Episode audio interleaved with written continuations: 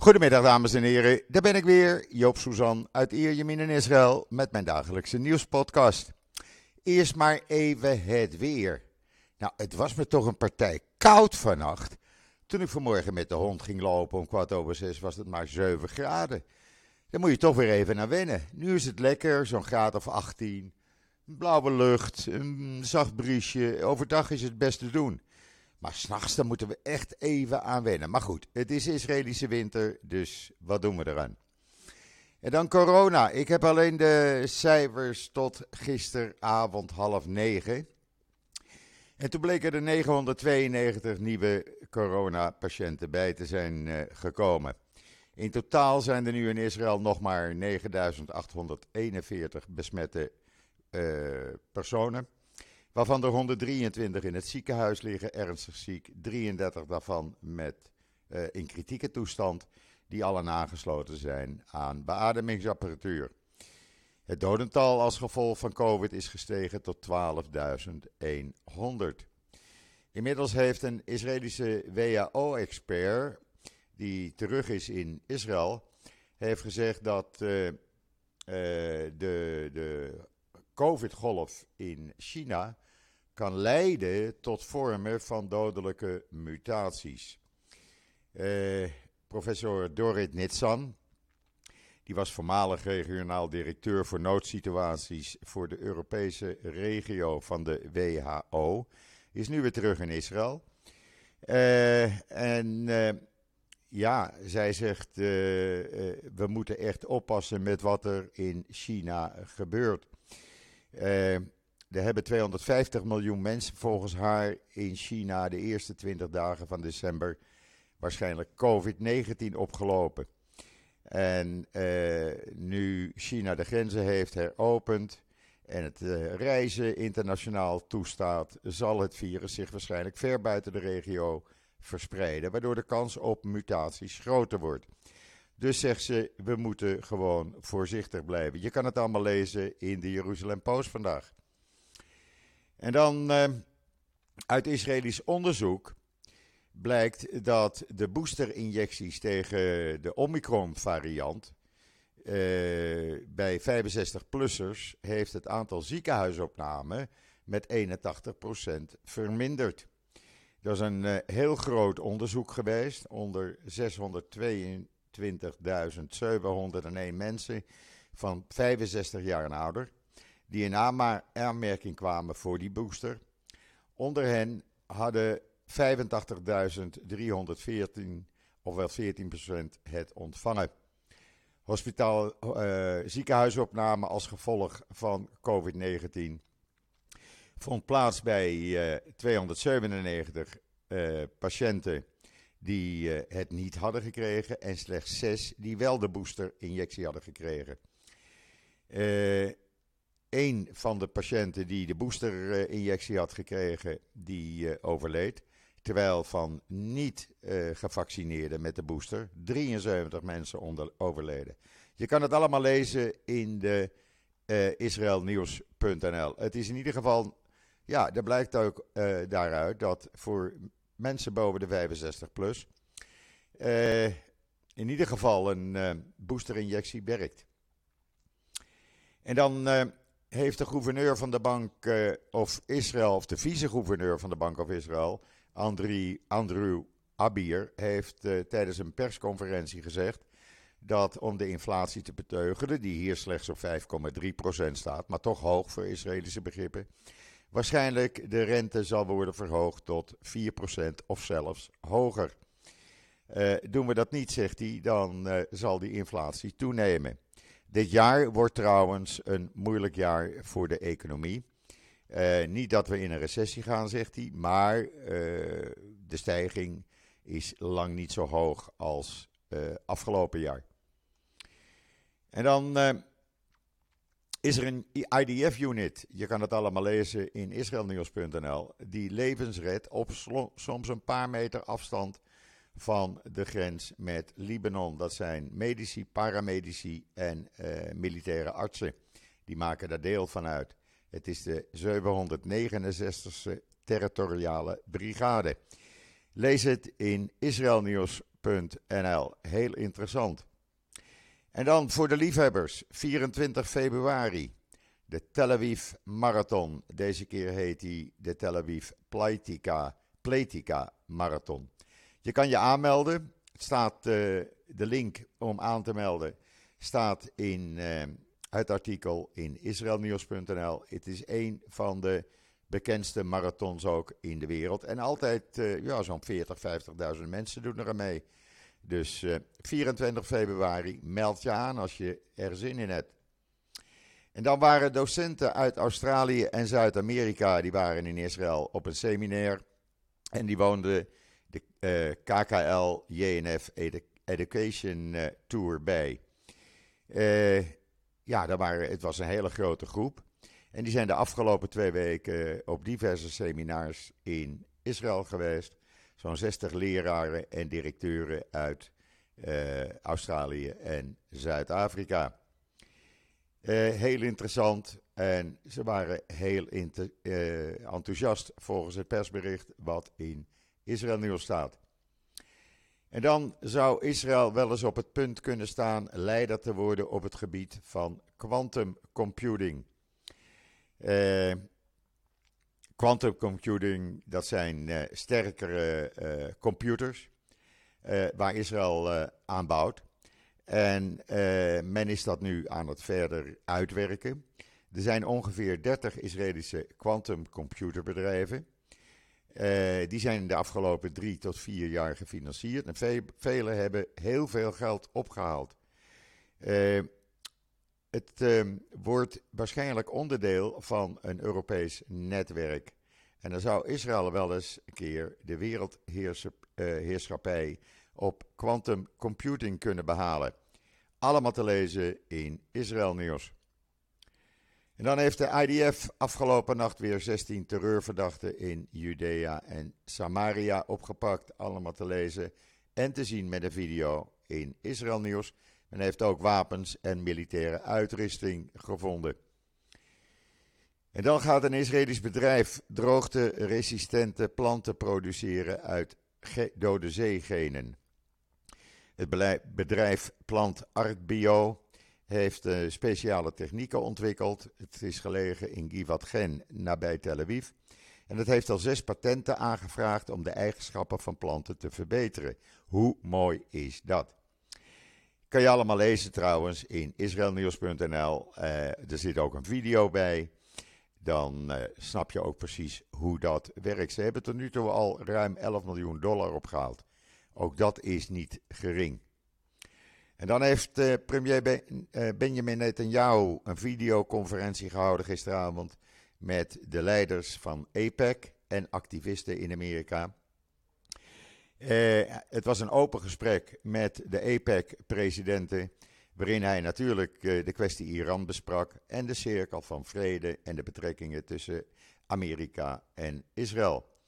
Met betrekking uh, tot Iran zei uh, Netanyahu in deze videoconferentie uh, dat ja, er moet meer gedaan worden voor de vrijheid en we moeten deze dappere mannen en vrouwen in Iran steunen. en het wordt tijd, zegt hij, dat de banden tussen Israël en Amerika en anderen worden gesloten en samen met alle andere landen uh, de kwestie Iran te bespreken. Ook dit kan je lezen in israelnieuws.nl. En dan was er uh, zaterdagavond een hele vreemde, of vrijdagavond was het geloof zaterdagavond. Heel vreemd fragment op de NPO 1. En zo komen leugens de wereld in. Nadia Moussaid en Natasha Gibbs, die wisten het heel goed en die vergeleken in een gesprek met Gert-Jan Segers Israël met een apartheidsrepubliek, apartheidsstaat. Nou, Gert-Jan Segers diende hun van de repliek. Je kan die, uh, dat fragment bij mij op uh, Twitter nog zien. Gert-Jan Segers diende hun van repliek, maar daar wilden ze niks van weten. Zij wisten het allemaal beter en beter. Deze dames vonden van de NPO dat Israël een grote apartheidstaat is, hoe, ver, hoe zwaar Gert-Jan Segers er ook inging. Dat heb ik op Twitter uh, naar buiten gebracht. Uh, wat meer publiciteit aangeschonken. Ruim 40.000 mensen hebben dit inmiddels geretweet. Jan de, Jan de Graaf heeft in zijn briefje van Jan, Jan Dijkgraaf is dat, sorry, heeft een briefje gestuurd aan BNN-VARA waarin hij officieel een klacht tegen deze dames heeft ingediend. Wordt vervolgd. Ook dat briefje kan je zien op briefje van jan.nl of bij mij op Twitter. Want dit kan gewoon niet. Ongefundeerd leugens de wereld inbrengen. Hoe verzin je het? En dan, uh, ja, het kan allemaal gekker en gekker. Uh, Google, die wist, weet te beweren dat de Holocaust een Joods offerritueel is. Het staat bij mij op uh, Twitter. Uh, zo leggen ze dat uit. Holocaust is een Joods offerritueel. Hoe verzin je het? Je kan het ook lezen in de Jeruzalem Post vandaag. Uh, ja, ik heb er eigenlijk geen woorden voor. Ik vind het, ik vind het van de gekken. Dit kan gewoon niet zo. En daar moet, uh, daar moet echt wat aan gedaan worden, want dit wordt gewoon te gek. En nog even afgezien van Amazon, want die weet het nog mooier te vertellen. Volgens Amazon, de uh, Amazon uh, Canadese website, die offert een stofzuiger. En die omschrijven ze als een Joods instrument. Hoe vind je die? Uh, het is geen gewone stofzuiger, nee, een stofzuiger is Joods. Nou, ik weet niet hoe dit soort zaken de wereld inkomen, maar het wordt gekker en gekker. Ja, en dan zijn we nog niet af in Israël van uh, de protesten vanwege het veranderen van uh, het justitiële systeem. Ik heb dat gisteren ook in uitgelicht, uitgelegd. Uh, heel simpel. Waar komt, ik zal het nog een keer uitleggen. Waar komt het op neer? Men wil het justitiële systeem in Israël veranderen. Nou, oké, okay, dat mag, er is niks mis mee. Maar wat gaat men doen? Men wil het Hoge Rechtshof, uh, de invloed van het Hoge Rechtshof, minder maken. We hebben geen uh, twee, Eerste Kamer. We hebben geen Hoger of Lager Huis. We hebben geen grondwet. Uh, dus het Hoge Rechtshof is de enige instantie die wetten checkt of ze wel of niet kunnen. Wat wil men nu? In plaats van uh, een aantal rechters ernaar laten kijken, moeten er van de 15 Hoge Rechtshofrechters 14 naar kijken. Als die het afwijzen, een nieuwe wet, dan nog wil men uh, het zo doen dat een meerderheid van slechts 61 van de 120 zetels deze wet alsnog kunnen goedkeuren. Dat betekent dat er wetten kunnen komen waarbij eh, gediscrimineerd wordt, waarbij minderheden aan de kant worden gezet. Men heeft bijvoorbeeld in eh, eh, de coalitieovereenkomst opgenomen dat er een wet komt waarbij iemand die ultra-orthodox is, mensen die niet orthodox zijn, de winkel kan weigeren. Men heeft een wet opgenomen waar je, of wil men opnemen, volgens de coalitieovereenkomst, waarbij homoseksuelen de toegang tot een restaurant of theater kan worden geweigerd. Nou, dit kan gewoon allemaal niet. Dit moet tegengehouden worden. Zo simpel zit het in elkaar. Daar heeft, uh, dat heb ik gisteren uitgelegd, uh, de oud-voorzitter van het Hoge Rechtshof, uh, Barak, heeft gezegd: als het zou helpen dat ik voor het vuurpeloton ga om deze wetverandering tegen te houden, dan ben ik daartoe bereid. De voormalig president, een ander voormalig president van het Hoge Rechtshof, Dorit Bijnes, en andere hoge belangrijke juridische experts, die waarschuwen dat deze veranderingen van minister van Justitie Levin bedriegelijk en gevaarlijk zijn en bestaande problemen niet oplossen.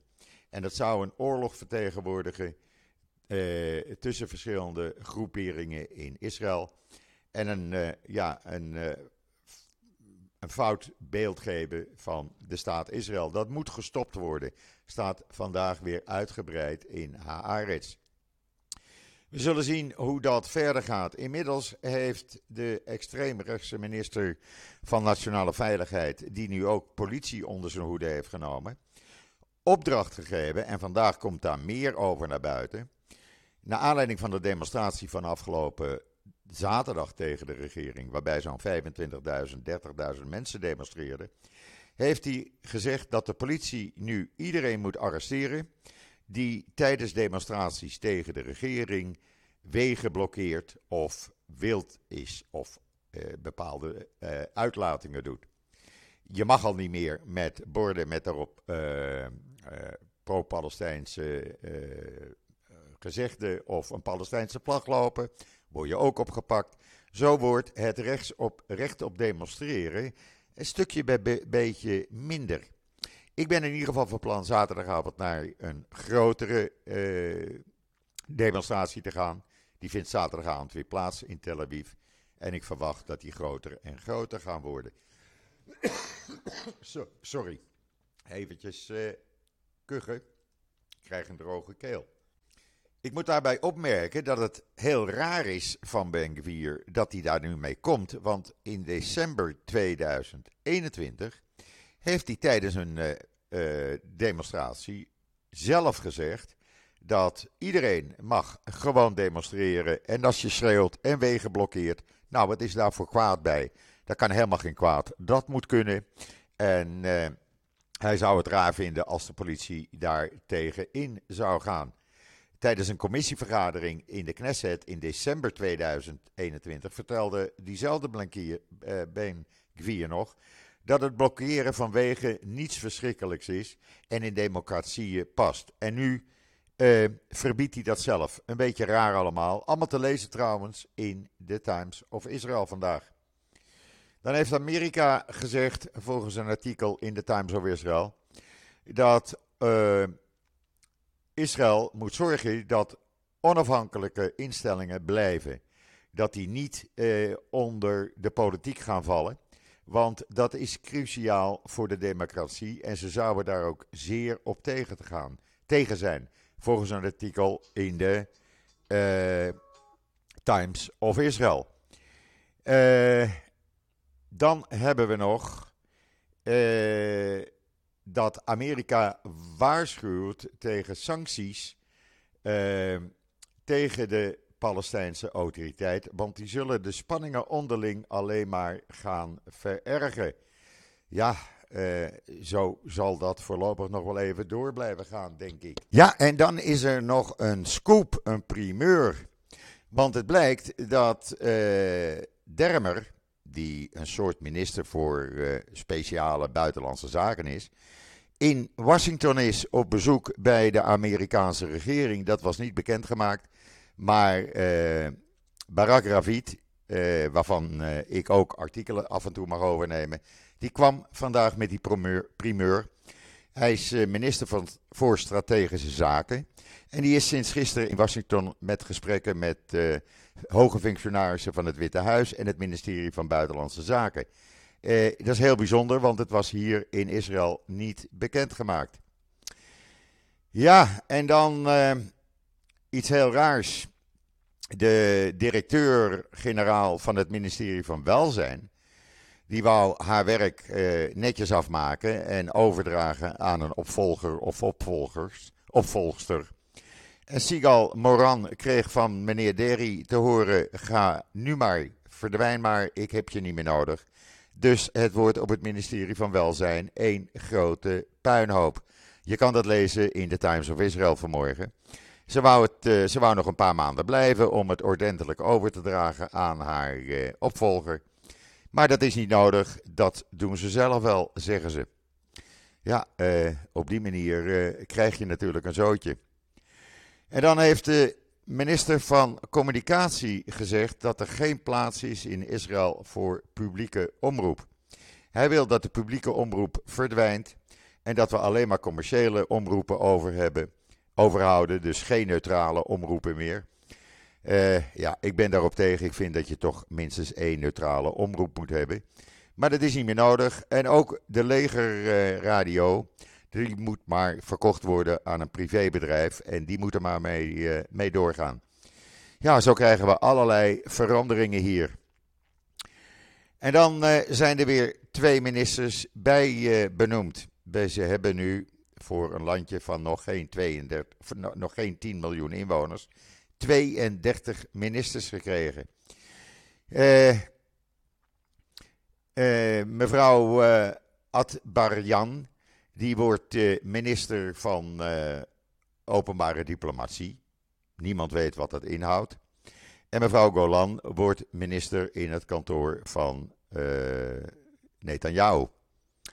Wat voor uh, eh, PR-zaken ze moet gaan doen, is niet bekend, want er is nog helemaal geen uh, lijst samengesteld.